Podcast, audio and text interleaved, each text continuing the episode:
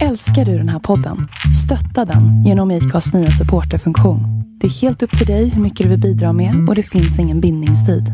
Klicka på länken i poddbeskrivningen för att visa din uppskattning och stötta podden. Ryan Reynolds here from Mint Mobile. With the price of just about everything going up during inflation, we thought we'd bring our prices down. So to help us, we brought in a reverse auctioneer, which is apparently a thing. Mint Mobile unlimited premium wireless. Ready to get 30, 30, bit to get 30, bit to get 20, 20, 20, bit to get 20, 20, bit to get 15, 15, 15, 15 just 15 bucks a month. So, Give it a try at mintmobile.com slash switch. $45 upfront for three months plus taxes and fees. Promo rate for new customers for limited time. Unlimited more than 40 gigabytes per month. Slows. Full terms at mintmobile.com.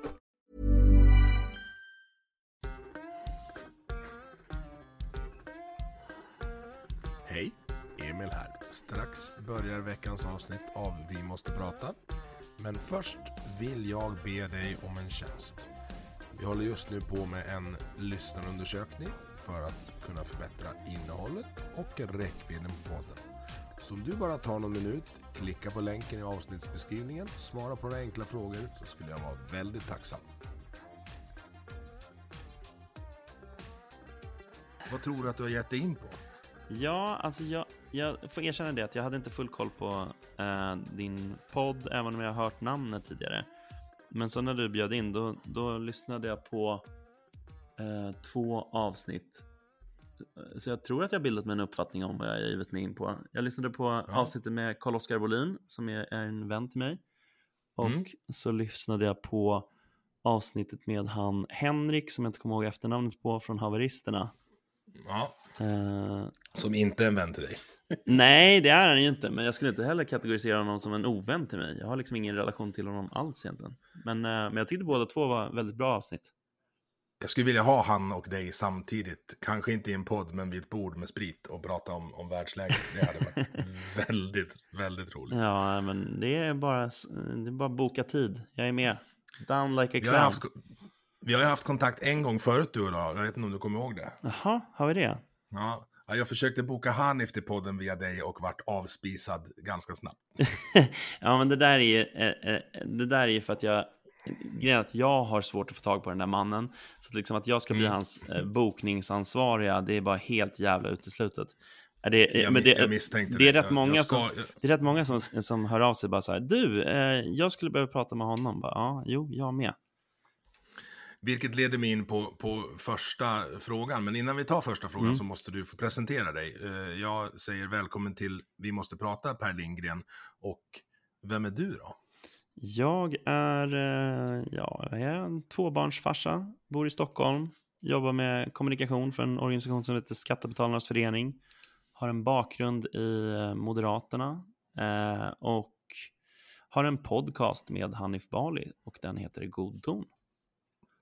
Och det var ju där, där jag hittade dig. Ja. Även om vi, vi, jag, vi, vi tangerar varandra lite, lite ibland. Så jag var medlem i Skattebetalarna medans, innan du ens eh, började Ja. uh, vara med där. Sen när jag började så Men- gick du ur i protest. Nej, nej, nej, det har jag inte gjort. Inte än. Eh, men när jag skriver med mina polare om dig. Mhm. Oj, som när du gör det. lyssnar- Är det frekvent Ja, när jag gör det. Ja, det händer ibland kan jag säga.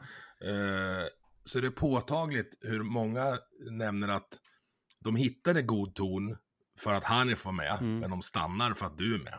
Alltså det där är ju såklart smickrande och jag har hört folk säga det där. Men jag tror att det är, är lite så att det har blivit en, en sån här one-liner som folk säger mer än att det faktiskt stämmer. Jag, jag tror att det, man, det finns så jäkla många olika liksom, eh, kategorier av lyssnare. Det finns, jag är helt liksom på det klara med att det finns de som tycker att jag är helt ute och cyklar och som tycker att Hanif är så jävla mycket mer rätt än jag.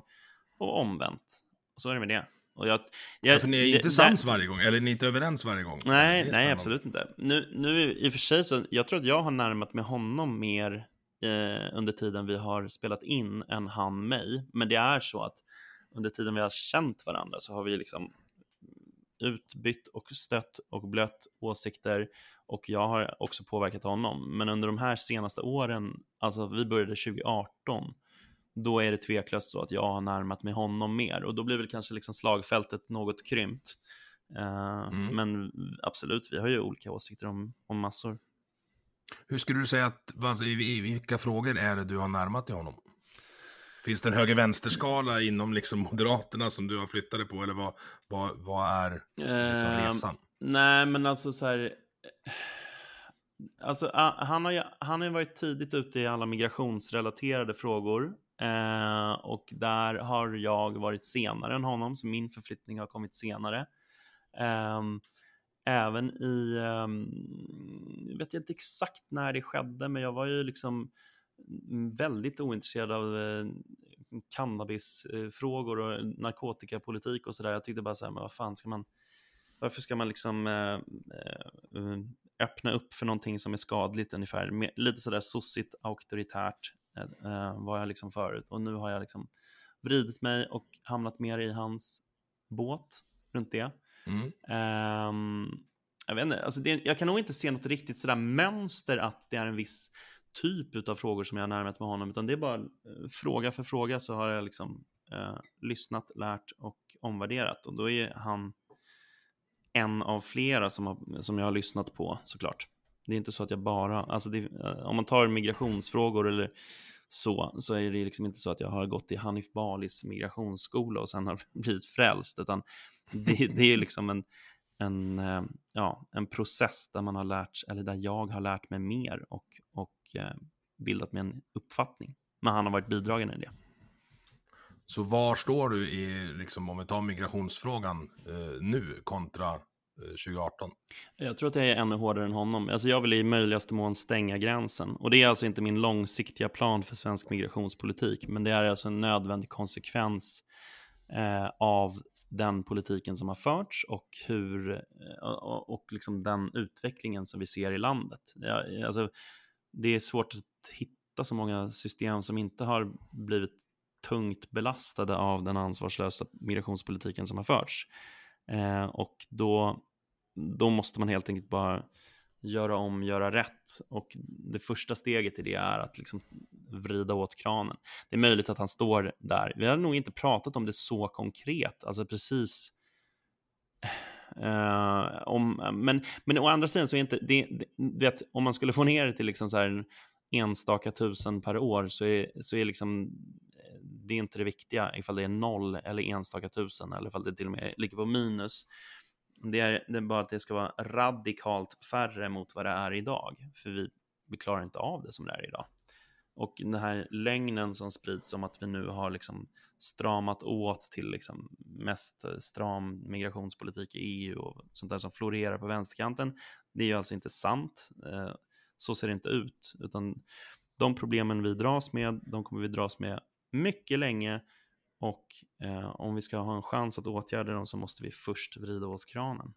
Men som sagt, det är, inte min långsiktiga önskan. Det här är bara en, liksom, eh, en motvillig insikt på grund av en ansvarslös politik under lång tid.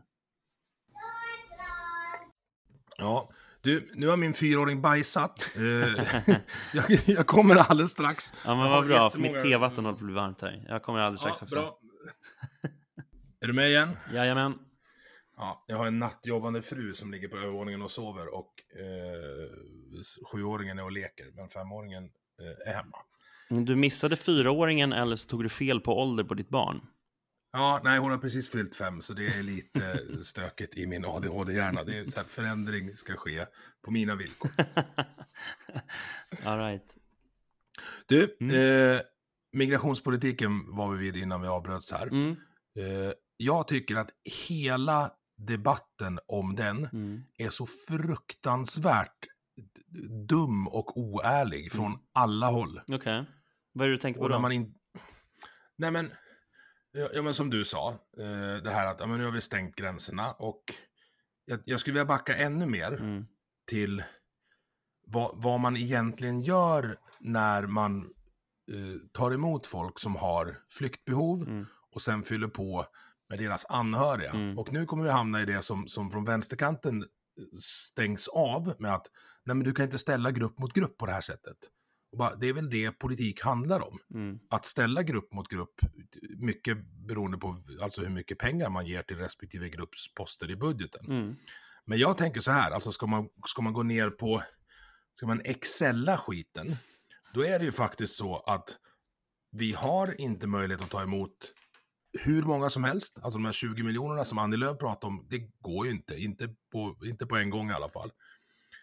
Och, och det, här kommer, det här kommer låta hårt. Jag säger inte att man ska göra det här, men man kan ha det här som en utgångspunkt när man ska debattera för att i alla fall flytta, bredda den så kallade åsiktskorridoren lite.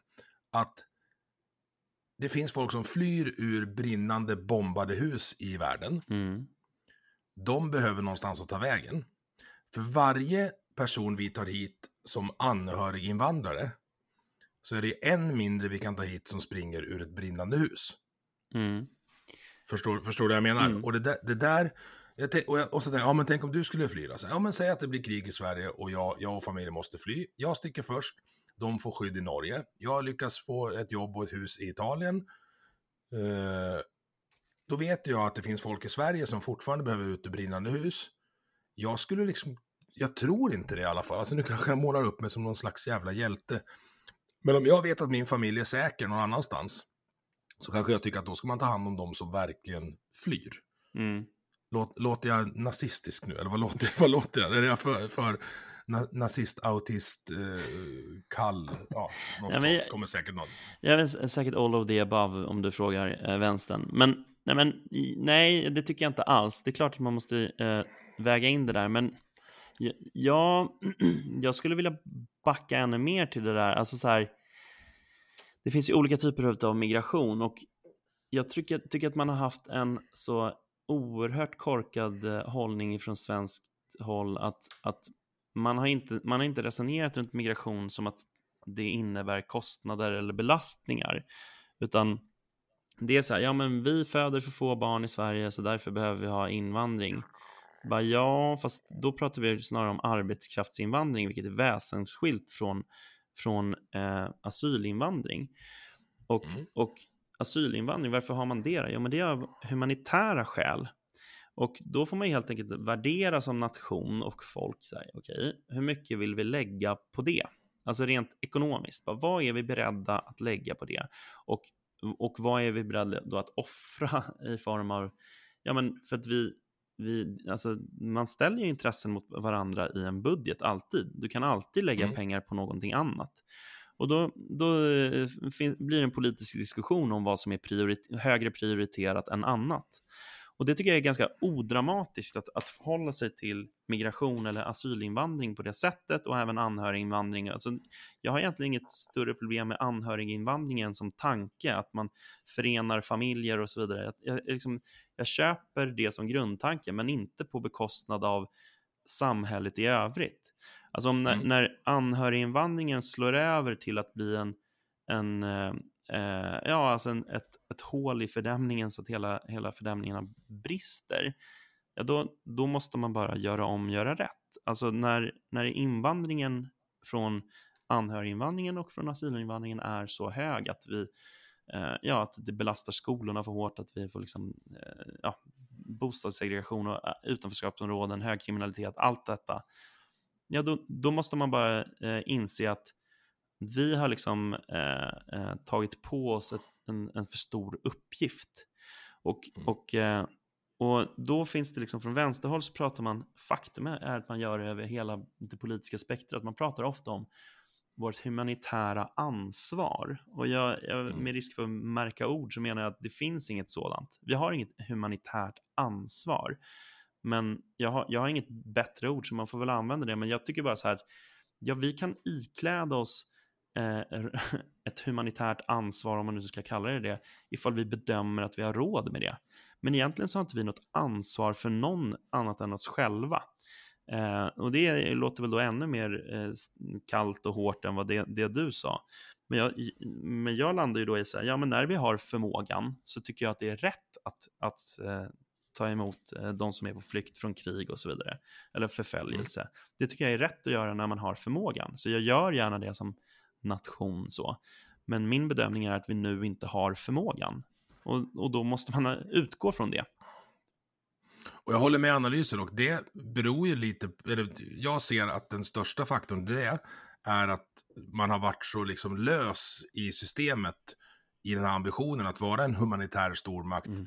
att det har dränerat resurser från det systemet egentligen är uppbyggt för. Mm. Alltså det, det vill säga att hjälpa folk eh, på flykt. Mm. Det här pratade Hans Rosling om när han, när han körde att liksom, ja, det kanske är eh, en flyktingkris i Turkiet och liksom an, eh, vad ska jag säga, angränsande länder till Mm. där kriget i Syrien då var. Mm. Att där är det liksom skit. Och där måste vi ju, eller måste, när man ska hjälpa folk ska man ju se vad man får för pengarna också. Alltså vart, vart gör svenska slantar mest nytta? Alltså vart kan vi rädda livet på flest människor? Mm. Ja, men visst.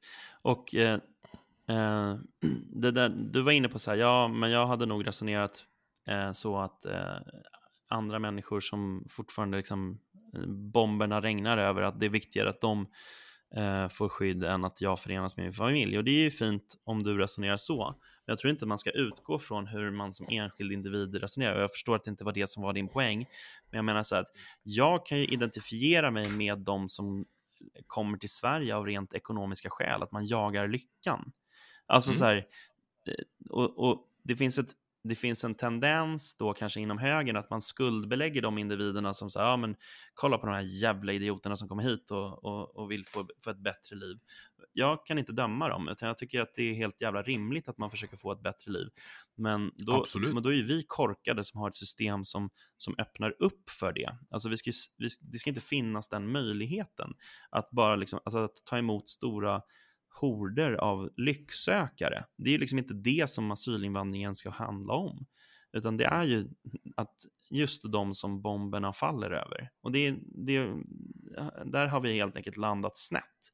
Och, då, och då, att, då får det vara hur mycket det vill att ställa grupper mot varandra. Jag tycker det är fullt legitimt att ställa grupper mot varandra. La, eh, gruppen som har bomber som faller över en är, är mer i skyddsbehov än de som inte har det. Det är ju väldigt svårt att säga emot. Eh, någon kommer säkert lyckas, men, men hela... Eh, jag, jag har två punkter på det. Dels eh, kan jag rekommendera dig och alla andra att lyssna på avsnitt 10 med Robert Klarqvist som är vd för ett av Sveriges största assistansföretag. Mm. Och det här var alltså i februari 2021. Han var den första som berättade för mig hur det, hur det funkar med sån här... Eh, man skickar in ett ankare och sen hittar man på funktionshinder Mm. och sen får, tar man hit ytterligare några som får jobb som assistenter Mm. åt det här. Och så, ja, för ett år sedan, ett och ett halvt pratade han om det. Mm. Jag, har knappt, jag, jag har sett det lite nu.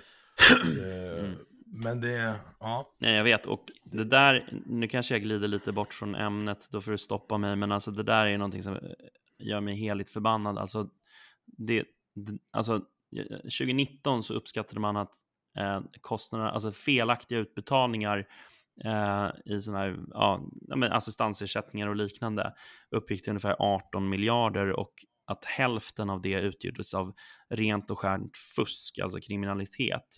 Och Det är en halv polisbudget. Ja, alltså, och, och grejen är att den siffran är också så här, den är ganska ifrågasatt att den är för låg. Det, det kan mycket väl vara så att det är närmare 30 miljarder på ett år.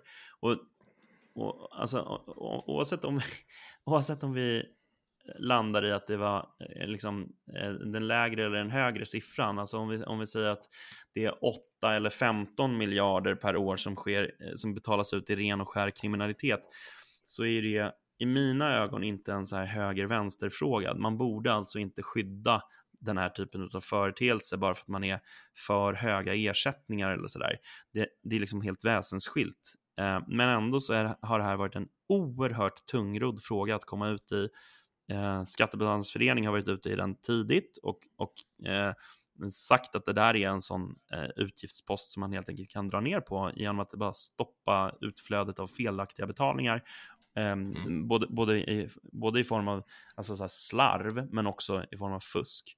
Och då har, ju, då har man ju mött liksom patrull eh, från men olika såna här organisationer som, som eh, har behjärtansvärda ändamål för all del. Alltså att man, ja, människor som har eh, olika slags behov av, av olika stöd i, i, liksom, i livet. Och fine, eh, de människorna ska ju få sina pengar. Men när man då kritiserar felaktiga utbetalningar så upplevs det, eller har upplevts som en kritik mot att de får sina pengar. Och att det buntas ihop är för mig helt jävla obegripligt. Eh, det, det, är ju just de legitima utbetalningarna som skadas av de illegitima utbetalningarna. Mm. Vi ska, vi ska komma till skatteslöseri eh, lite senare, för det är det du jobbar med dagligen. Eller mot, inte med. Mot, förlåt. eh, Precis. Men jag förstår inte, och det här tog jag upp när jag hade Linn Svansbo från Reformisterna här. Mm. Alltså varför Socialdemokraterna framförallt inte är liksom huvudfinansiär av Skattebetalarnas förening mm. och jagar skatteslöseri. Mm. Skulle de börja med det, då, då, är, då är det kört för er på högerkanten. Då, då kommer de vinna varenda val framöver. Ja, men jag tror att det här är... Jag har funderat på det där också, eller kanske inte varför inte de är huvudfinansiärer. Det beror delvis på att vi inte vi är en politiskt oberoende organisation, men har varit det i hundra år. Men, men äh, det, det, det, jag har funderat på, på själva grundfrågan också om så här, varför, varför blir detta en höger-vänster-fråga? Och jag tror att det handlar lite om att man det är den här logiken, så här, vi ger inte lillfingret för att ta dem hela handen. Alltså att mm. man är rädd så här, nej men okej, om vi börjar liksom köpa kritik mot felaktiga utbetalningar och så där, då kommer de jävlarna dra ner på även de legitima utbetalningarna. Och, och, och har man det förhållningssättet, då försvarar man alltså den kriminaliteten som försiggår. Mm. Och det förhållningssättet har man ju för att man anser att moderater och kristdemokrater och i viss mån liberaler och framförallt sverigedemokrater, det är onda människor. Mm. Mm, ja men visst, precis. Det är en stigmatisering och man fokuserar gärna på de onda intentionerna som man tänker sig finns bakom. Så här, nej men nu, nu säger de att de vill liksom vrida ner felaktiga utbetalningar och, och, och liksom, eh, vrida ner eh, utbetalningar till kriminella. Men egentligen, egentligen så vill de ju bara liksom äta cancersjuka barn ungefär. Alltså det, mm. det är bilden. Ja, alltså du överdriver ju lite, Tycker men du överdriver bara lite. alltså det är bara lite. Alla, alla människor som är en centimeter till höger om Socialdemokraterna är nazister. Ja, fram tills att det blir Socialdemokraternas ståndpunkt. Då har de alltid haft Precis. den. Precis. Och med det är ju bara... Så hade inte SD salufört liksom hjälpa på plats-narrativet, mm då hade ju de snott det tidigare. Nu kommer de sno det lite senare. Ja, visst, visst är det så. nej, men eh, så är det. Och så har det ju varit med många frågor. Eh, nej, men verkligen så. Eh, och alltså så här, det är även i så här, eh, hårdare straffretoriken. Det var ju det, det, Morgan Johansson vill ju ha det till att de har minsann hela tiden varit för hårdare straff och fler poliser och sådär. Det är helt enkelt mm. inte sant. Men, eh, men eh, de använder någon slags nyspråk. Bara... Precis, för lyfter man på den stenen när det är hårdare straff, då är det liksom så här, ja, vi har höjt straffet. Ja, ni har höjt maxstraffet mm, på många brott. Ja. Som aldrig döms ut. Ja, exakt. Utan man, man liksom flyttar en bortre gräns som, alltså det, det är lite som att förlänga längdhoppsgropen. Folk kommer inte hoppa längre för det. Precis utan snarare investera i större, bättre skor, Morgan. Det... Ja, nej men verkligen så. Men det är ju så, alltså, vänstern har ju en helt fantastisk förmåga att sätta kursen på diskussionen. Mm. Alltså att det, vilket leder in på nästa, nästa segment som jag har tänkt här. Att, alltså, hur kan ens valet 2022 vara en fight? Mm. Jag fattar inte det. Kan du förklara det för mig? Det där är också en sån fråga som jag ägnar mycket tid åt. Men, ja, men alltså jag skulle väl säga det är jävligt mycket som samverkar. Eh, sossarna har varit gynnade av alltså back-to-back-kriser. Pandemin, som de ju hanterade dåligt eh, i mina ögon, men, men ändå. Man eh, sluter samman normalt sett alltså bakom den sittande makten i tider av kris. Ehm, mm. Så pandemin var en tillgång för dem, hur konstigt och cyniskt det än må låta. Och det följdes sen av krig i Europa för första gången på ett tag. Ehm, det där är inte helt dumt om man sitter vid makten. Sen så tror jag också att, eh, får man erkänna att Magdalena Andersson är en ganska trovärdig person eh, och det visar ju också mm. Eh, opinionsmätningarna. Eh, hon tog över efter en person som inte var trovärdig. Eh, och det är liksom vind i seglen. Så de, de, där faktorerna spelar väldigt stor roll. Men sen så rent historiskt så har ju vi någon slags latent vänsterlutning i det här landet. Alltså, det, liksom, för mig då som ju vill ha lägre skattetryck så är det för mig alltså, ganska märkligt att ett land som har Ja, nu är vi på femte, vi har länge legat på fjärde, men vi blir omkörda av, av Italien. Vi har femte högsta skattetrycket i världen. Och alla är överens om att vi inte har, alltså att vi får femte bäst service tillbaka. Alltså i form av, mm ringer du polisen där i Dalarna där du bor så kan du inte räkna med att de kommer i all hast och, och, och så vidare. Och jag menar, är det en timme om jag har tur? Ja, långa vårdköer ja. och hög kriminalitet och and all that och liksom skolresultaten suger. Det, det, det finns så många saker att slå ner på och jag tror inte, alltså jag, jag, har ännu inte träffat individen som tycker att så här, jo men det här möter vad man har anledning att förvänta sig när man har det femte högsta skattetrycket i världen. Eh, mm. Men ändå så är det så att när Damberg går ut och kommer med den finurliga idén, what about beredskapsskatt? Då är det liksom, då är det bara vi högertroll som skriker högt. Det finns någon slags mm. generell acceptans för det här som en lösningsmetod. Så här, jo, men banne mig, det, det, det kan nog vara en bra väg framåt att höja skatten i landet med femte högst skattetryck. För, för det, det är, liksom, det är sossarnas one trick pony eh, liksom metod att höja skatten, alltid skrika efter hög skatt. Och mm. den ifrågasätts inte, trots att vi vet utfallet. Eh, och det, det, jag, eh, liksom, det förundrar mig, men det, det tror jag är också svaret på varför sossarna kan fortsätta regera. Att det finns någon slags latent eh, acceptans för socialdemokratisk politik i det här landet. Det, är liksom, mm. det ligger inte för oss som konsensusdrivna småsossar att ifrågasätta det, det som har varit rådande. Svensken i gemen behöver lära sig skillnaden på skattetryck och skatteintäkt. Mm. Och man ska googla Lafferkurvan och spendera ungefär sex minuter på Wikipedia. Mm. Då, svårare än så är det inte att förstå, alltså verkligen förstå de bakomliggande mekanismerna bakom det du säger nu. Mm. Men för de som inte orkar det då, eh, dra dem lite snabbt här. Alltså Lafferkurvan handlar ju om att alltså marginalskatt är det, den, den skatt du betalar på den sista kronan du tjänar in. Och eh, om marginalskatten är för hög så kommer incitamenten för att jobba mer vara för låga. Och nu mm. nyligen så kom IFAU med en analys som pekar på att vi befinner oss i det sluttande planet av Lafferkurvan. Och vad betyder det då? Jo, det betyder då att, att skatten på högre inkomster eh, är så hög att du avstår från att jobba mer än, eh, hellre än att jobba den där extra timmen. För att marginalnyttan, alltså den, den, den pengen du får tillbaka, den är så liten. Staten hugger emellan så mycket så att du tycker så här, jag är hellre ledig än att jobba den, där, den extra timmen. Liksom. Jag, mm. jag, jag klarar mig ändå. Och det, okay, och vad spelar det för roll då? då? Jo, men alltså, det betyder alltså att eh, lite beroende på var man befinner sig på kurvan så kan du alltså få in mer pengar på att sänka skatt och få in mindre pengar på att höja skatt. Så att när du har om, det, om man tänker sig extremerna, om man har 0% i skatt så kommer alltså in, intäkterna bli 0 kronor till staten. Om man har 100% skatt så kommer, också, eh, kommer det dra in 0 kronor till staten. För ja, folk kommer inte jobba när det är 100% skatt. Och däremellan finns en båge. Då handlar det om att ha en optimal beskattning så att man inte befinner sig på det sluttande planet mot noll. Mm. Väl, väl förklarat, men lite kontraintuitivt ändå att man tänker att ja, men så här, mm. om jag höjer, höjer skatten så får staten in mindre pengar. Men det, det, är, det här är alltså någonting, den, den är ju inte statistiskt bevisad vad jag förstår. Alltså den, så här, vänsterekonomer brukar skratta åt den.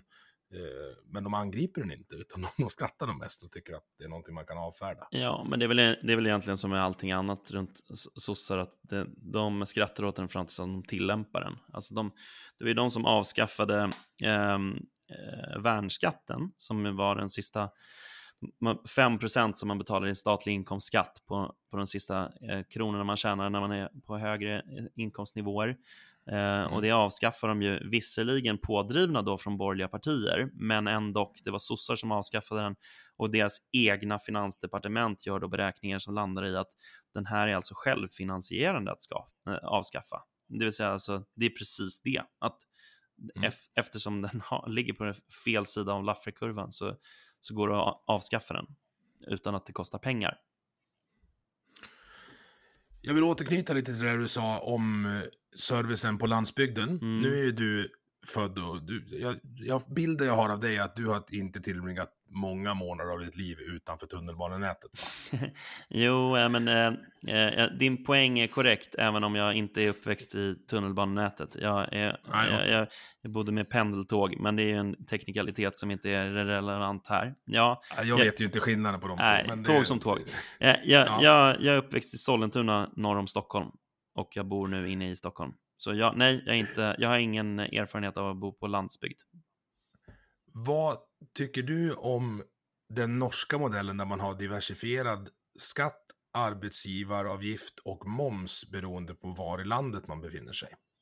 Gud, jag, jag kan ingenting om det. Jag, tycker, jag känner direkt att jag befinner mig på djupt, djupa sidan av eh, poolen om jag börjar liksom... Ja, men jag, jag kan snabbt förklara det. Vad, vad jag Alltså, kan. får jag bara säga så här, ma magkänslan är eh, nej, eftersom att jag inte, jag, jag, tycker om enkla förutsägbara regler som är logiska och det, det är det som ger rättssäkerhet för människor. Om man skapar liksom Ja. så här, skatteparadis inom nationen så tror jag att eh, det kommer få en massa jävla konstiga gränsdragningsproblem. Det är liksom, mm, det är min killgissning, men berätta. Ja. Nej, del, alltså ju längre norrut i norr du kommer, desto, desto ja, vi, kan, vi kan generalisera, desto lägre skatt betalar du på Mm, allting. Mm, Eh, sen har de också att en del av momsen stannar kvar i kommunen, eller fylke heter det där, där intäkten genereras. mm, Den, den tycker jag jättemycket om. Alltså tänk dig då typ Älvdalen som har Trängslets kraftverk. De kommer ha råd med vad som helst efter det och nu har de inte råd med någonting. mm, Eh, För det, det är ju så i Sverige att naturresurser finns ju på landsbygden men nyttjas till stor del i de urbaniserade områdena. Alltså ja, men, trä, betong, el mm. eh, är ju landsbygdsresurser i, i mångt och mycket. Mm. Men gud, ja, men jag känner att det här är inte liksom Nej, vart- strong- vart det för- det, är, det är inte min strong suit, men det där är väl en, en det där är väl den där akademiska frågan som, som, som, ehm, som det träter om, eh, eller som man träter om nu, och det är ju var värde skapas. Mm. Eh, och den är, den är också bärande på internationella förhållanden där Sverige, eh, ja, angående BEPS och allt det där. Men jag, jag, liksom, jag, jag känner inte att jag är... jag, tror, jag tror att jag, jag kommer att säga så mycket dumt om jag bara tänker högt runt det. Nej, men det, är också, alltså, det här är ju stickspårens högborg, min podd. Men alltså, Mm. det blir en filosofisk fråga också. Mm. Vad är värde? Alltså, skapas värde där elen skapas i Älvdalen Mm. eller skapas värdet eh, i Stockholm när transaktionen görs? Så det är också, ja, det är, det är ingen lätt grej. Men min poäng i det hela är Mm. att jag tyckte det där lät väldigt mycket bättre än vad det, när jag hörde det första gången, Mm. än vad det låter nu. Mm. För alltså, den bristen på service, eller så här, den lägre nivån av tillgänglighet till service Mm. som jag har här ute i skogen, Mm.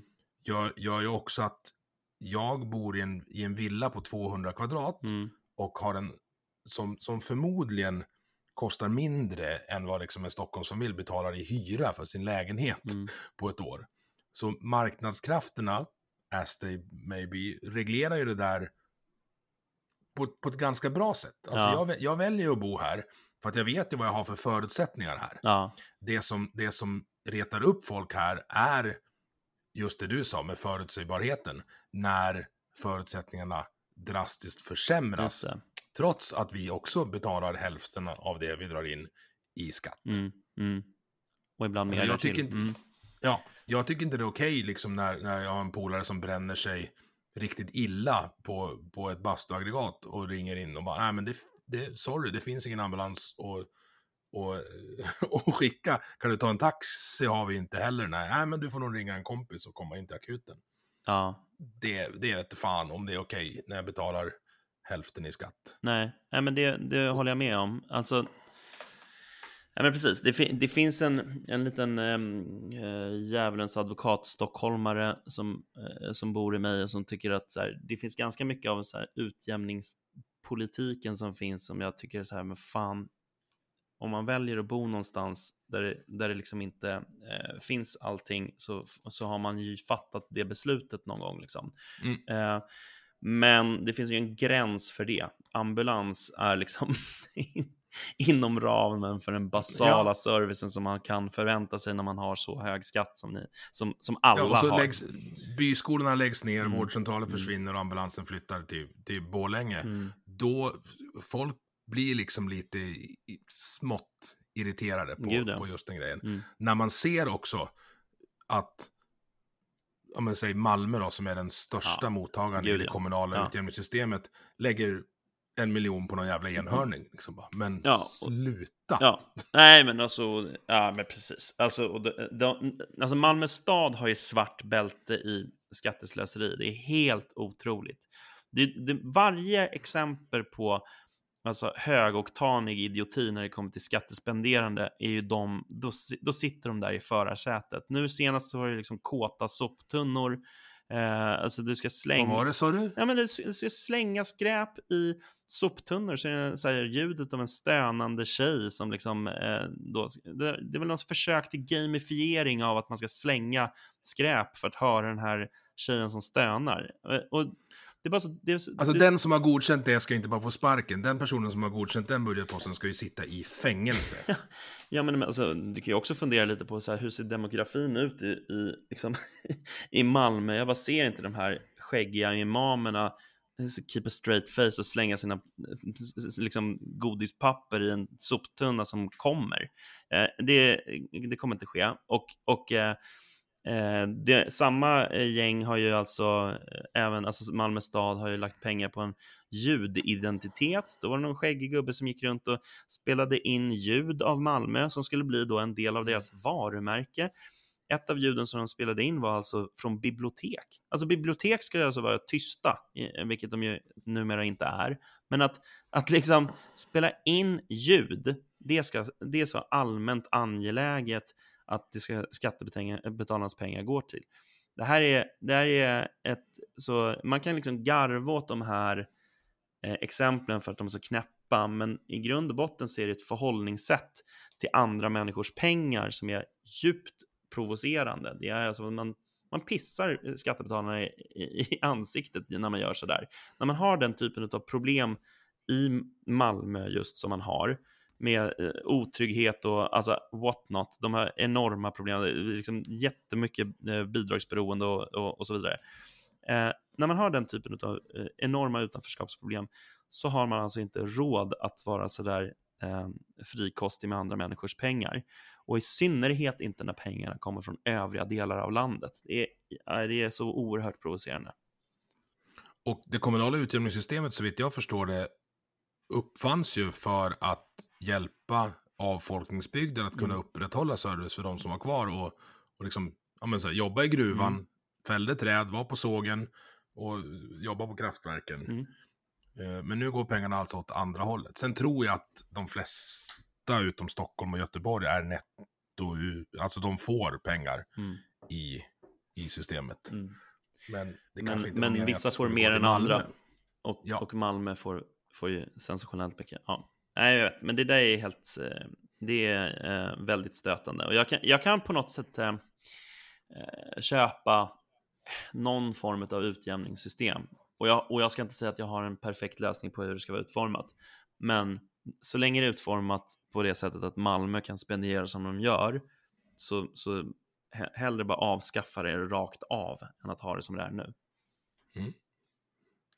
Jag håller med. Men det, svå det svåra är i politiken när man... Alltså drastiska förändringar kan ju skapa så här, ringar på vattnet-effekter mm. som man inte har någon aning om Nej, jag, vad det är. Jag förespråkar inte ett, ett, att man avskaffar det rakt av, men jag säger bara så här, det, det vore bättre än att ha det som det är nu. Mm. Jag tänker på en sån sak som de här ränteavdragen, om vi ska gå över på bostadspolitik. Mm när jag, när jag tittar på ränteavdraget, och jag har ingen ekonomisk examen eller någonting, mm. men jag, jag, ser det som att det är typ som elsparkcykel, eller elcykelbidraget. Mm. Att det enda det genererar är att det blir, alltså elsparkcykelbidraget genererade att det skapades en högre efterfrågan på elsparkcyklar, vilket gjorde att priset höjdes ungefär med det som bidraget var på. Mm. Så de enda som tjänade pengar på det var tillverkarna. Mm. Folk fick in, folk, det var inte fler spark, eller fler cyklar till folk Mm. Mm. eh, och inte billigare. Och samma sak med ränteavdraget. Det ser i min värld ut som ett förtäckt statligt bidrag till storbanker för att folk ska ha råd att köpa hus de egentligen inte har råd med. Mm. Det Nej, är alltså, så svårt att se att, statens, att det är statens uppgift att, att hjälpa folk att köpa dyrare hus. mm. ja, men det, ja, igen, det här är också sån här, alltså nu blottlägger jag hur okunnig jag är om de här frågorna, men jag jobbar med... Vi sitter och killgissar och Mm, jag. nej, precis. Nej, men alltså, jag, jag- tar, men jag jag- tar fullt ansvar. Ja, nej, men jag skulle säga att alltså det, ränteavdraget är, är väl möjligen så att det inte är optimalt eh, eh, utformat och att det har negativa konsekvenser. Men så här, samtidigt så är det, igen, alltså jag bara liksom går tillbaka till det. Har vi femte högst, högsta skattetrycket i världen så är inte min, mitt fokus på så här, ja, men vilka avdrag är fel. Alltså så här, men visst, i ett större samlat grepp så skulle man kanske kunna se över det också. Men jag tror att det stora samlade greppet, eh, det lär inte ske i närtid av rent politiska skäl. För de som, eh, för liksom på högerkanten så tror jag att man inser att det är ganska många kärnväljare som skulle bli förbannade då. Så jag tror, eh, jag tror inte det finns en politisk framkomlig väg för, för att, att, att göra någonting åt det där. Ehm, men det kanske, det kanske det borde. Jag är för dåligt insatt för att veta det. Finns det någon politiskt framkomlig väg för att liksom stoppa skatteslöseriet? Jag upplever att, alltså om, man, om man läste den här rapporten, Kommandohöjderna, som Mm. kommer fram till att varenda generaldirektör är, är politiskt tillsatt Mm. från ett, ett, ett håll. Eh, då kän, jag, jag får känslan av att de som verkligen vet hur illa det är inne i, i det offentliga systemet, Mm. det är också de som om de slog larm skulle vara de första som får liksom söka nya jobb på, den, Mm. på arbets, arbetsmarknaden. Mm. Och det är de som kanske inte så intresserade av. Nej. Nej, men det, alltså det, är, det här är ju ett, ett liksom, ska säga, strukturellt problem med, eh, som, som finns på alla nivåer. Alltså att det finns, det finns en massa negativa inbyggda incitamentstrukturer och så vidare och, och, och nepotism och just det där att man är rädd om sin egen, sitt eget skinn och så vidare som gör att de som vet, de tar inte tag i det och så där. Så det är fan ingen lätt nöt att knäcka. Men eh, om jag får liksom göra lite reklam för skattebetalarna då, så har ju vi under våren nu, eh, jag vet inte när det här kommer sändas, men alltså nu under våren 2022 så har vi inlett ett arbete som handlar om att visa på olika delar av, eh, av budgeten som man helt enkelt kan skära i. Och våran liksom, nästa led i det är ju så här, om man vill sänka skattetrycket till en rimlig nivå på liksom, ja, närmare OECD-genomsnittet på sisådär 35 procent. Eh, då, då, då kan man ju gå på exempelvis en, ja, men om man kör en ambitiös digitaliseringsstrategi i offentlig sektor skulle kunna spara upp till ja, men ungefär 200 miljarder om året. Om du, eh, jag ska inte föregripa rapporter som är på väg fram, men jag kan säga att näringslivsstöd eh, finns det en del, eh, alltså missriktat näringslivsstöd finns det en del att hämta i också. Offentliga upphandlingar är ett skämt. Eh, alltså Fullkomligt. Ja, det, ja men du kan s- spara sisådär 100 miljarder. Och, och det, det, här är, det här är ju fråga om att eh, vrida och vända och förbättra i befintliga system. Eh, det behöver inte vara så politiskt laddat om man bara lägger stridsyxorna vid, vid tröskeln och tittar på vad, vad, är det som är, vad är det som inte funkar och hur skulle man kunna göra det annorlunda. Eh, men igen, det är ju det där. Alltså, det vi var inne på med liksom, ger man dem lillfingret så tar de hela handen-grejen. Det finns en ovilja hos vissa att, att ta till sig av problembilden och, och ännu mindre så runt lösningar eftersom att man är rädd för onda intentioner och hemska följdeffekter av ifall man skulle faktiskt lyssna på det örat. Och den hemskaste följdeffekten då skulle ju vara att bli av med makten. Mm. För man har ju målat in sig i ett hörn där man beskriver hela högersidan som apokalypsens uh, ryttare. Mm. Och skulle det då visa sig att ja, men det, det går ju rätt bra det här också. Mm. Då kanske, alltså det blir, ja, Visst. det, blir, det blir jättekonstigt. Och jag tror att samma sak nu när, när, när Moderaterna har börjat liksom behandla SD som ett vanligt parti. Mm. Och skulle de då vinna valet och få med SD som stödparti och det på en mandatperiod inte är liksom koncentrationsläger utanför Norrköping, Mm. då kommer, då kommer ju hela narrativet bara, bara åka i i backen. Ja, visst. Nej, men jag, jag, kom på det på, jag kom på det när jag skjutsade andra dottern nu på morgonen. Så vi, för vi har en, en Golf och hon tycker att Volkswagen-märket är, är eh, spännande. Mhm. Och då tänker man så här, eller min hjärna tänkte i alla fall så här, ja, vi kan inte samarbeta med Sverigedemokraterna för de grundades av nazister. Mm. Eh, kör du folkvagn? ja. är liksom, See where you're getting it. Ja. Ja, men det är... För jag skiter fullkomligt i vems kompis som heilade i Kungsan Mm. 82. Mm. Jag vill veta, vad har du som potentiell riksdagspolitiker för lösningar på de problemen vi ser i samhället idag? Mm. Det är det enda som är intressant.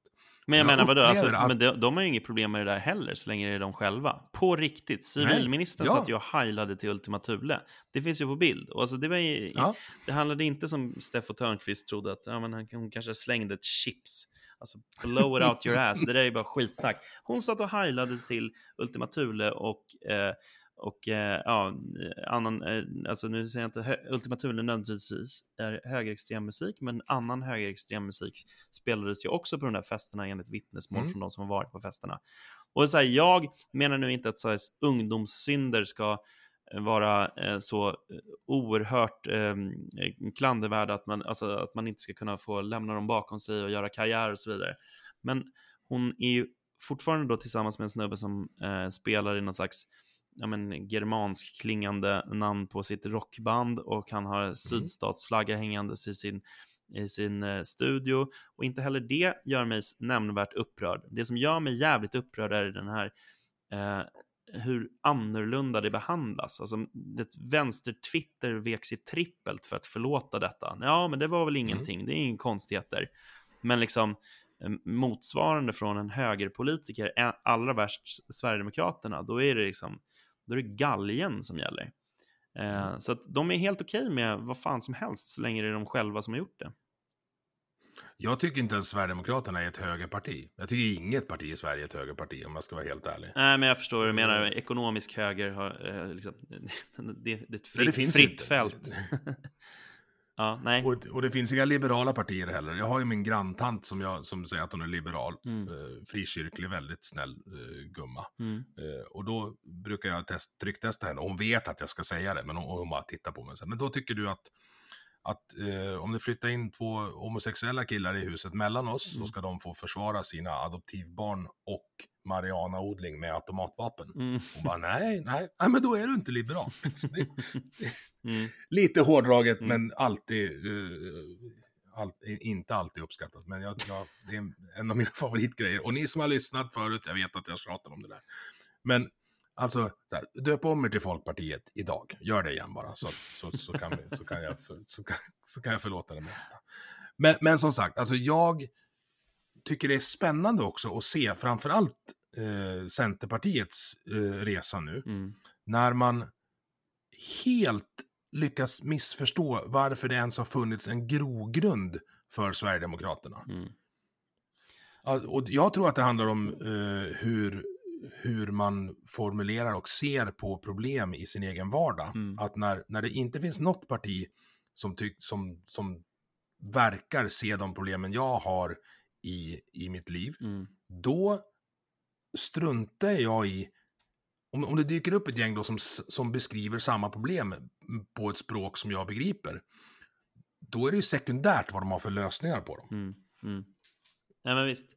Ja, men jag tror att eh, alltså Centern, de har väl en väljargrupp som det spelar egentligen ingen roll om om Sverigedemokraterna skulle presentera eh, en politik som A till Ö var enligt centerpartistiska väljares preferenser.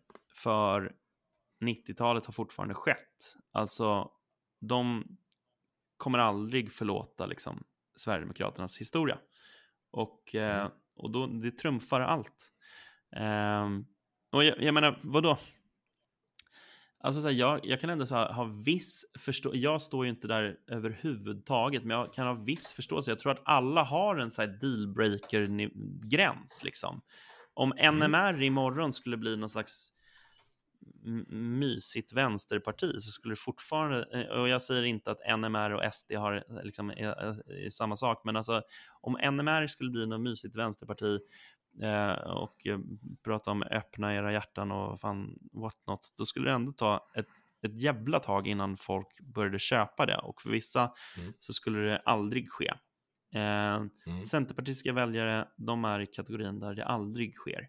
Ehm, jag är mycket mer orienterad efter eh, sakpolitiskt innehåll än sådant. Ehm, jag har själv i vår podd haft ett långt avsnitt där jag går igenom liksom, problemen jag har med, med Sverigedemokraterna.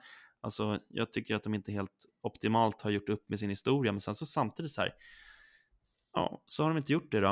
Eh, det har inte sossarna gjort med sin historia heller och det är nog strategiskt rätt i det här läget för Sverigedemokraterna att bara skita i det.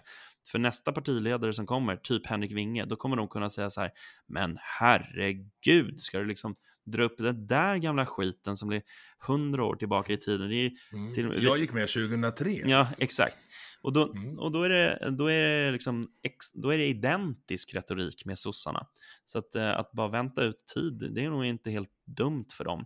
Och eh, för, ja, och för egen del så är det så här, ja, nej, men visst, ja, jag ser problematiken, men jag tycker att de har ändå eh, på senare år visat att de tar det på större allvar och de har uteslutit en hel del människor som, är som går över gränsen, även om det såklart ploppar upp idioter fortsatt. Men mm. de, är, de är mycket, mycket mer av ett eh, eh, rumsrent parti i mina ögon än, än vad de var. Och det, den förändringen måste ju ge någon slags effekt tycker jag. Och då, då mm. spelar det större roll att kolla på det sakpolitiska innehållet och där har jag inte så jävla stora problem. Eller jo, det har jag vissa delar om a-kassan och annat, men det, det är inte, det är liksom ingen, det är inte på den nivån som centerpartister ser på dem.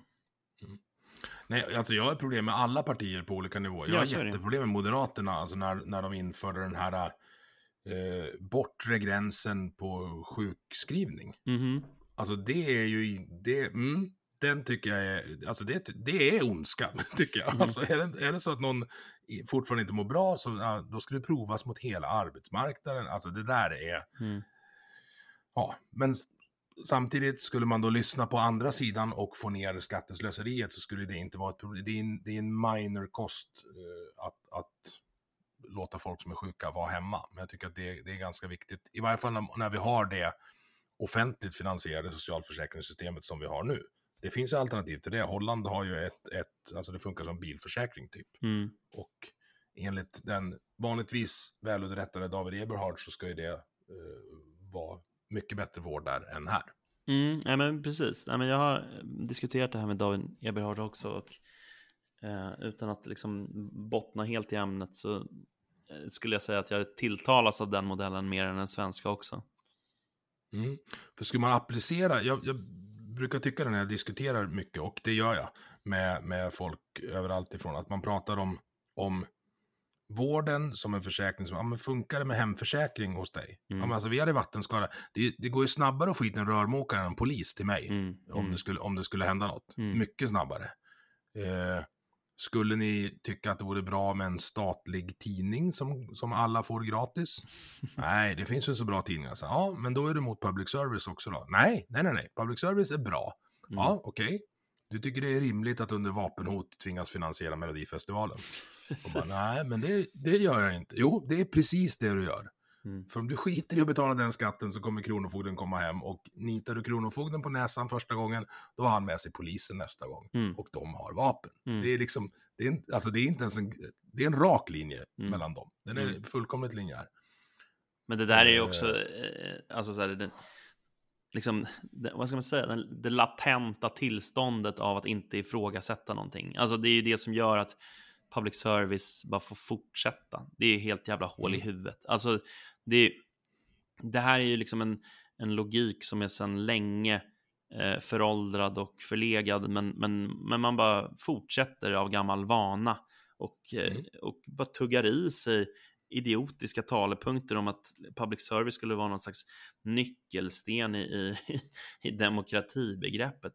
Ingenting kunde vara längre från sanningen. Alltså det här är, Mm. det här är skattefinansierat, eh, eh, i många delar eh, vänsterlutande eh, mediehus eh, som, som i, inte nödvändigtvis eh, med intention sprider vänsterpropaganda eller så, men det blir ju liksom konsekvensen av att urvalet bland journalister är Alltså normal, en normalfördelningskurva över, över svenska journalister är ju, ger ju att de är, eh, befinner sig på den vänstra slash progressiva delen av, av det politiska spektrat och då kommer också Och det är inte ens konstigt. Nej, men då, då blir utfallet eh, därefter. Alltså även i så här, nyhetsvärdering. Det handlar inte bara om vad du rapporterar om, det handlar också om vad, vad du be, liksom bedömer som nyhetsfähigt. Vad är det du inte rapporterar om? Du, du kommer ju alltså se på nyheter på, med andra ögon om du är vänster ställt mot om du är höger. Och, ja, och, och, liksom, och, och ta bara den här, den här skiten som har hänt med översättningarna av eh, eh, eh, Ebba Buschs uttalande om påskkravallerna från de här mm kurdiska och arabiska, vad sjutton de heter, Radio Sweden som är under Sveriges Radio. Det är rakt upp och ner desinformation om ett politiskt parti under ett valår och det är alltså skattefinansierat. Men det är, eftersom att det här är inom ramen för vänstern så blir det liksom inga de här, de, de, den, det enorma drevet, de enorma braskande rubrikerna, de uteblir. Visst, kritik lyfts, men inte alls, alls på samma sätt som om ifall det hade varit det motsatta. Hade det här drabbat liksom sossar, fy i helvete, vi hade inte hört slutet på det. Nej. Och det där att det skulle vara eh, slightly lutande åt vänster, Mm. det säger man ju emot hela tiden. Mm. Men samtidigt säger man så här, vi måste... Här, det är inte politiskt styrt nu.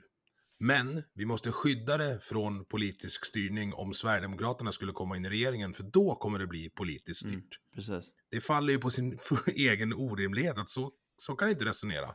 Men de som ska fråga dem då är ju Belinda Olsson. Och det kommer ju inte hända. Nej. Nej, men visst. Och, eh, och också så här, det, det, det finns ju också en sån här osund eh, ovilja till extern granskning också. Att säga, nej men, Eh, eh, endast Sveriges sakliga journalister har. Liksom. Och när väl sker någonting, då, då är det såna här stjärnor som Claes Wolf Watz och Silla Bänke som, som tillsätter någon slags enmansutredning som ju handlar om att du vet, någon, någon mellanchef får liksom kalla till sig en journalist och ställa några välvalda frågor på sitt kontor och sen så kommer man fram till att nej men det här var nog lugnt även den här gången liksom fortsätt som vanligt och by the way vi behöver nog lite mer medel för att garantera att det här sker på ett korrekt sätt framgent. Det, det är så oerhört stötande. Det, naturligtvis, om man tar just det konkreta fallet med de här felaktiga översättningarna och även med den här eh, ekot-journalisten som låg med en islamist så är det Mm. naturligtvis så att det borde ha tillsatts extern granskning för att kolla på vad sjutton det var som hände där. Men det menar ju de då så här, nej men det är helt otänkbart för gud vilket demokratihot det skulle vara. Eh, då ska man ju veta det att det, det har tillsatts sådan extern granskning av exempelvis Säpo. Så Säpo kan man då liksom, det är inga konstigheter, det kan man granska externt. Men Sveriges Radio är så oerhört känslig materia så att där, det är bäst att de sköter det internt av de här fossilerna som har suttit i väggarna där eh, i, i generationer. Det, men det, jag, jag, jag, jag, jag, jag kan inte begripa det. Eh, att det inte är en större debatt om legitimiteten i, i public service och vad, och vad 17 vi finansierar med skattemedel för. Mm. Det, jag, jag kan köpa idén om public service, men inte 10 miljarder. Alltså, Ja, men vad är, vad är idén med public service då? Och varför är den så allmänt angelägen att vi ska finansiera det gemensamt? att det ska ja, alltså nu sitter jag och försvarar public service, så håll i er där ute. Mm. en, att det skulle finnas ett grundläggande nyhetsbehov. Och nu tänker jag medan jag pratar här, för Mm. att jag är lite rädd för dig. Eh, att det, ska, nej, men det finns ett grundläggande nyhetsbehov, men då kanske, då kanske man istället ska se till att alla har internet. Ja, Så att de får, får eh, leta själv, vilket vi ju i princip gör. Vi Ja. har ju mycket statliga pengar gått åt till att gräva ner fiber. mm, vilket är en galenskap också. Men ja, ja. Ja. ja, men vad ska staten syssla med då, Per? Ja, men alltså eh, garantera vår inre och yttre säkerhet. Alltså, eh, ja, se till att liksom, när du ringer till snuten så ska det inte ta så lång tid det tar. Eh, alltså, och visst, eh, Eh, hur, hur, hur stor del av eh, skolan som ska vara i eh, kommunal regi, alltså om man säger stat och alltså kommun i något slags samlat begrepp, det offentliga, och hur mycket, hur mycket av skolan som ska vara i kommunal regi och hur mycket som ska vara i privat har jag ingen så här superbestämd uppfattning om, men Eh, det är väl rimligt att, att det är ett gemensamt åtagande med skola. Ja, vård och omsorg är också ett gemensamt åtagande, även om jag kan tänka mig privata alternativ även där. Men att man garanterar liksom så ja, mm, grundläggande service.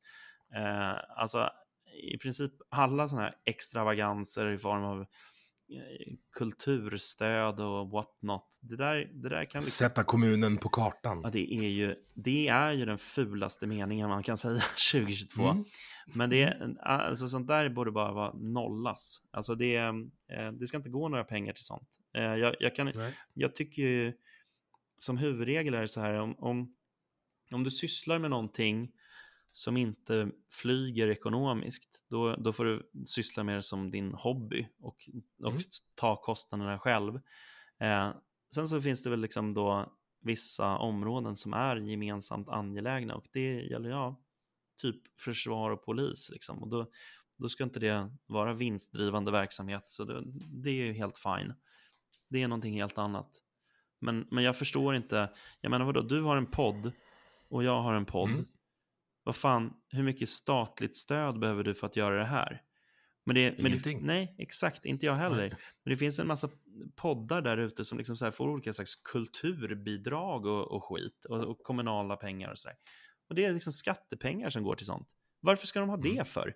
Om, om er podd är så urusel att ingen lyssnar, lägg ner den eller spela in den för er egen del. Liksom. Mm. Fan inte för andras pengar. Nej, jag håller med eh, fullständigt. Du, det, alltså, du drar ju lite åt libertarianhållet när du pratar om, alltså det är, det är ju en, kanske en nattväktarstat lite utvecklad som du beskriver där. Ja, Jag är också åt det, åt det hållet. Alltså så här, jag, vill, jag vill inte höra av kompisar som är poliser som stod längst fram i Örebro Mm. att vi hade fått hästarna om vi hade eh, inte tyckt att det var en för dyr internfakturering i Polismyndigheten. men, nej, men precis. Men, Alltså, det, det, sluta säg så, det Mm. spelar väl för fan ingen roll. Skicka, alltså, när sånt som händer i Örebro händer, då ska det bara kräkas in fler och fler och fler poliser tills det är lugnt. Mm. Det finns inget annat sätt. Nej. Nej men alltså så här, jag, jag skulle inte säga, gå så långt som att säga att jag är liksom för eh, så liten, liten eh, alltså så här, en stat som en nattväktarstaten. Det, det är inte riktigt där jag befinner mig. Jag skulle eh, tvärtom säga så, jag, är- jag är för välfärdsstaten, men min definition av välfärdsstaten ligger en bra bit från Ulla Anderssons välfärdsstat. Alltså det, Mm. det, det är liksom, eh, jag vill inte göra någon slags så här eh, libertariansk revolution och bara ta bort allting. Det är inte riktigt där jag befinner mig. Men eh, i fråga om riktning så är jag ju väldigt frihetligt orienterad. Sen så måste man bara göra saker i steg för att det inte ska bli för, många, för, för stora negativa konsekvenser. För att en, en princip eller en idé kan liksom få jävligt negativa utfall om den är omsatt i praktik på ett vårdslöst sätt. Eh, Mm. Men som sagt, jag, ja, jag är lite papegoja här, men har man det femte högsta skattetrycket i världen och, och, och, er, liksom, och lever med de problemen som Sverige och svenska folket lever med, då finns det enorma möjligheter att, att banta ner de offentliga utgifterna. Och det är liksom, ja, jag vet inte, det, det, att, att det inte är en självklarhet i breda lager, det eh, gör mig beklämd. Mm. Hur undviker du att hamna, alltså du, du poddar med Hanif, du jobbar på Skattebetalarnas förening, du har liksom gjort någon slags moderat karriär eh, genom hela livet. Hur undviker du att hamna liksom i en mörkblå eh, filterbubbla? Eh, vad, vad tar du in för intryck från andra håll, i det här fallet då vänsterkanten? Mm, menar du på liksom något generellt plan om hur jag konsumerar ja, media? Eller? Poddplan, konsumera media, alltså hur, hur mycket utmanar du dina egna bergfasta åsikter? Ja, nej men för det första är det så här att jag har inte ägnat livet åt politik. Jag kom in i politiken ganska sent. Det var efter, mm. efter min... Jag har missförstått. Ja, nej men det var... Jag pluggade juridik i Uppsala ihop med just Carl-Oskar Bolin som jag nämnde tidigare, eh, som har varit mm. med i din podd. Eh, och det var efter det som jag började jobba i riksdagskansliet för Moderaterna. Så innan dess har jag haft noll engagemang för Moderaterna och jag har fortsatt haft noll engagemang i form av så här, förtroendeuppdrag. Jag har inget intresse av att eh, sitta och äta sju små kakor med någon grillbritt för att få besluta om vilken väderstreck någon, någon, något cykelställ ska vara. Det där är så långt ifrån mig som det bara går att komma. Jag sitter inte ens i en bostadsrättsförening. Jag hatar liksom det där. Jag har aldrig varit en sån här elevrådsperson. Jag bara avskyr det. Alltså, du vet, ibland på så här stämmor för Moderaterna så förväntades man sitta som någon slags protokollförare eller något sånt där. Jag bara förklarade så här, men jag vet, jag vet, vet inte vad som är uppsidan och nedsidan av ett protokoll. Liksom. Jag, jag, kan ingenting om det där, jag har ingen, inget intresse för det. Däremot så har jag intresse för samhällsfrågor och, liksom, och jag har ett allmänpolitiskt intresse och det har jag haft så länge jag kan minnas. Och jag har varit höger Eh, så länge jag varit liksom politiskt medveten om man säger så. Så det var naturligt för mig att börja att engagera mig i Moderaterna. Och Skattebetalarnas förening är ju partipolitiskt oberoende, men man kan väl säga så här, om man, om man är för eh, minskat slöseri med skattemedel och sänkt skattetryck, då hamnar man ganska snart på den högra delen av, av, av, av liksom den politiska skalan. Eh, ja. Så att, eh, ja, där, liksom det om det. Men hur jag eh, då eh, eh, liksom, eh, tar till mig av andra idéer och så vidare. Jag skulle säga så här, det, det blir liksom lite meta, men det ligger lite i den högerorienterade, alltså så här, det är väl lite av en högeridé att politik inte är allt och politik ska inte vara inne i allt. Jag är verkligen inte en sån person som typ när jag konsumerar kultur eller sådär, att jag måste ha någon, att, att, att det ska vara med någon slags borgerliga förtecken eller sådär. Så alltså jag, jag skulle inte ha några som helst problem att, att liksom, läsa en bok av Guillou, vad han än må tycka om svenskt skattetryck. Nu verkar ju i och för sig vi har, har han har ju börjat smita ja, vi har vissa överlappande idéer, för han verkar ju vilja trycka ner sin egen skatt vad det verkar. Men, men, mm. eh, nej men du vet, jag har liksom inga, eh, jag har ingen, eh, det finns de som bara så här, nej men gud, den där snubben är kommunist så jag kan liksom inte eh, läsa eller lyssna på den personen. Jag är definitivt inte så. Utan eh, det, politik är politik och sen så är det övriga övrigt. Och eh, på så sätt tar jag till mig av allting annat. Jag liksom, ja, jag, jag, hatar när politiken ska in i exempelvis, jag vet att du och jag delar ett sportintresse, om du är mer hockeyintresserad och jag är mm. fotbollsintresserad. Jag hatar när politiken ska blandas in i, i idrottssammanhang och, och sådär. Och liksom, så det här samhället i övrigt, det är liksom det som är normalen för mig. Sen så mm. när jag gick till jobbet som moderat, då, då var det ett jobb. Jag stämplade in och jag stämplade ut liksom. Och så, ja, så är det med det. Hur har den där liksom, vad ska jag kalla det, fuck it-attityden? Alltså nej, jag tänker skriva något protokoll. Har den, har den hjälpt dig eller skälpt dig på, på karriärgrej? Jag vet inte vad man gör på ett riksdagskansli till exempel, men alltså har det... Jag antar att den har hjälpt dig åt båda håll. Berätta lite hur det har mottagits.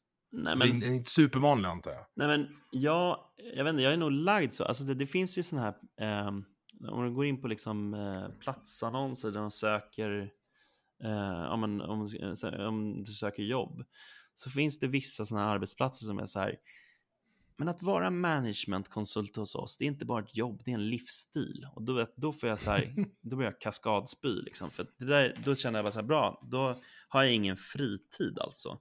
Och mm. i politiken så finns det liksom en, också en sån mentalitet, att man tycker att det är så här superhärligt, bara bra, eh, vi ses i helgen och delar ut flyers. Liksom.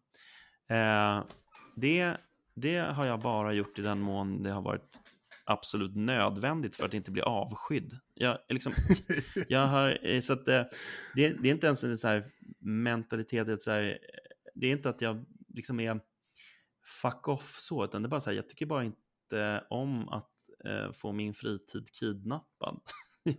och jag tror att det är rätt få som gör det egentligen, men fan, av någon anledning så lever man verkligen engagemanget inom politiken i väldigt hög grad. Och jag var väl kanske en udda fågel, men inte helt udda. Det fanns nog en del tjänstemän som var som jag. Men eh, som politiker så måste man liksom så här, åtminstone låtsas som så här, åh, äntligen måndag, nu ska jag träffa mina härliga kollegor och sen så blir det söndag och då ska jag träffa dem igen. Va? Nej, jag är inte sån. Jag kan trivas på jobbet utan att liksom eh, leva med jobbet 24-7. Men att ha den insikten, dels om hur du funkar, mm. men att också våga säga det när man känner att det här kanske inte går helt i takt med vad de övriga säger. Mm. Det kräver ju ett slags, inte bara självförtroende, utan också en övertygelse om att man har ett kapital i form av kompetens som man tillför när man väl är på jobbet. Då kan man skita i att vara där på söndagen och spela ut flyers. Men mm. är du någon sån som, som har imposter syndrom eller något liknande så, så kommer du ju springa på varenda boll som en jävla golden retriever för att, för att bemyndiga och bevisa att du borde vara där. Jo, men så var det nog också mer i början. Alltså kanske inte så himla mycket sån här engagemang privat, men jag menar, jag hade som, eh, liksom, som grundhållning när jag började jobba där att jag sa aldrig nej till någonting. Eh, så att liksom mm. när las massa arbete på mig så var det bara ja, ja, ja. Och ja, då blev det till slut väldigt, väldigt, väldigt mycket under en period. Men eh, eh, sen så när man blev lite mer senior, då var det lättare att säga nej. Och eh, hur, det, alltså hur allt detta har gynnat eller missgynnat mig? Ja, men jag tror att det karriärmässigt definitivt har missgynnat mig ifall min ambition skulle vara att göra någon slags moderat karriär. Men faktum är att det har aldrig varit det. Alltså, jag kommer även detta val rösta på Moderaterna och jag gillar Moderaterna på många sätt och vis, men det stannar liksom där. För mig är inte det mm. så här, jag gillar, jag gillar Moderaterna och så gillar jag min fritid också. Och jag gillar min familj och jag gillar AIK. Ja, men förstår jag menar? Det är så här, jag, jag vill eh, ha möjlighet till allt det där och eh, när en aktivitet tränger ut en annan, då måste jag liksom eh, ja, då, då får jag helt enkelt prioritera. Och jag, jag kommer aldrig prioritera så att jobbet är allt. Så jag är inte så karriäristiskt lagd på det sättet. Och det hade jag nog inte varit ifall jag hade jobbat liksom bara privat sektor och vanligt i näringslivet heller. Jag är, jag är inte lagd åt det hållet. Det är en sund uh, inställning till livet, tycker jag. Den känns lite, lite högre också för, för det, jag anar mellan raderna, och nu har vi pratat en timme så jag kan ju mm. konstatera att du är höger.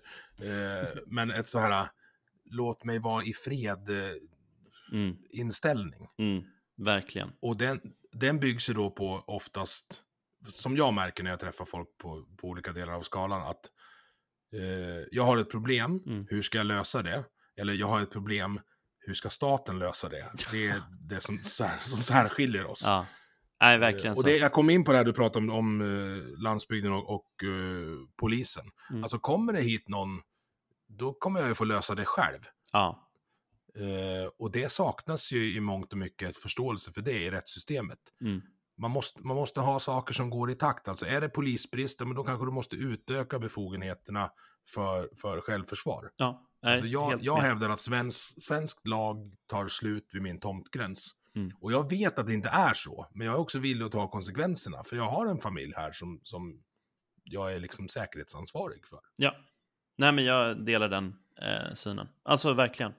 Och jag tycker att eh, alltså, det, det, ska vara jävligt eh, stora möjligheter för att försvara sig själv och sin familj och även sin egendom.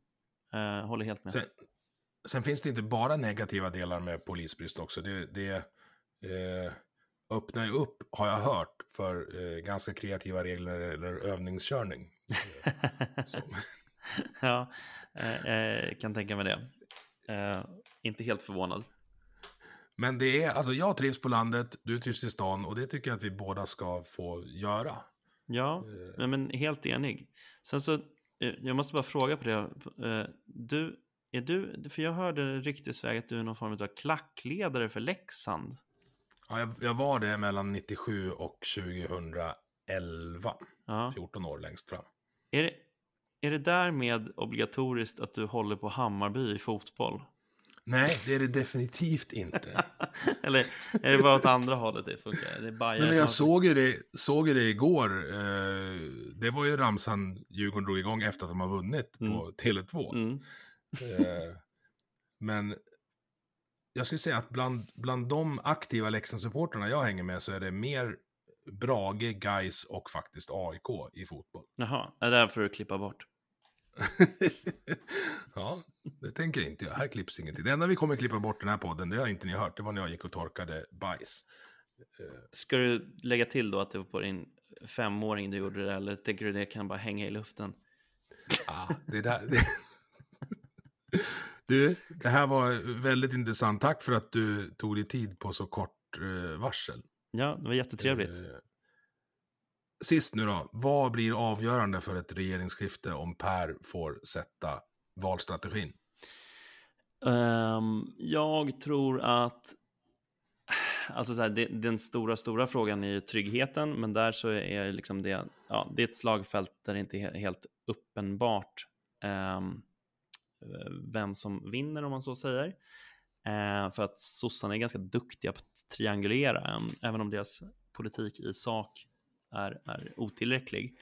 Jag tror att det kommer vara en del eh, samverkande frågor. Alltså kommer Miljöpartiet in i riksdagen? Kommer Liberalerna in i riksdagen? Det är helt avgörande. Två andra saker. Kommer. Centern in i riksdagen? För det är också i spel nu. Ja, ja visst, visst, visst. Sen så är det eh, några mittenväljare som är jävligt intressanta. Alltså typ eh, centermorsor som inte önskar att deras barn ska bli u- s- eh, bussade till utanförskapsområden. Eh, det är liksom en typisk sån som skulle kunna gå från ett block till ett annat. Eh, sossegubbar som inte är helt förtjusta i tanken på en återinförd fastighetsskatt skulle kunna gå från ett block till ett annat. Eh, liksom det, alltså den typen av så här vågmästarfrågor. Eh, men den stora, stora är nog eh, Miljöpartiet, Liberalerna och ja, möjligen då Centern. Men jag tror att Centern är, de kommer vara safe. Där tror jag det avgörs. Och eh, sen så kan väl lägga till också energipolitiken. Eh, den kan väl bubbla upp också. Eh, september brukar vara en ganska dyr månad. Jag tror det kan bli svettigt eh, att betala elräkningarna däromkring. Det skulle kunna pusha valet också. Och där har ni Carl-Oskar Bolin. Ja, ni och ni, jag jobbar inte för Moderaterna. Nej, det är men... Mo- Moderaterna. Ja, nej, förlåt. Du får liksom klä skott för hela Moderata samlingspartiet nu. ja, Sorry. nej men, eh, men det är jag, eh, ja, I, I vouch for him. Även om jag inte är engagerad i Moderaterna eh, på något sätt, så helvete vad jag är imponerad av honom. Han är en så jäkla tillgång för svensk politik, bara på rent generellt. Han har parti partiledarkvaliteter, måste jag säga. Ja, men så är det ju. Och han är, han är kunnig på en nivå som... Eh, jag, jag har inga andra exempel i svensk politik på det. Alltså han, han, när han väl går in i ett ämne så är han helt eh, unstoppable. Och nu är det energipolitik. Om man bara vill lära sig lite om energipolitik, då kan man ju lyssna på honom. För att det är ju så, när han pratar om energipolitik så är det inte politik han pratar om först och främst. Utan han berättar om hur 17 det funkar med allting med energi. Om liksom eh, så här, eh, det här händer när du tänder lampan, det här kommer elen ifrån, så här ser prissättningen ut, det här är liksom, alltså han kan ju tutti balutti och sen så liksom Mm. en problembeskrivning och sen så bara mynnar det ut i och därför borde politiken vara X, Y, Z. Men hela den här problembeskrivningen och all fakta bakom, det kan jag ju säga att eh, jag äter upp Annie Lööfs skor om Farman bara sitter på liksom en tiondel av den kunskapen. Jag ska faktiskt titta på Karl Oskars debatt med Strandhäll nu efter avslutad podd. Och den avslutar vi nu. Tack så mycket Per. Tack så hemskt mycket. Du har lyssnat på Vi måste prata som produceras av mig, Emil Nilsson. Tycker du om det du hörde? Dela avsnittet med dina vänner och på sociala medier. Vill du stötta podden kan du göra det via Patreon där du hittar den på patreon.com snedstreck vi måste prata i ett ord. Eller så swishar du en slant till nummer 123 671 46 79. Vi hörs!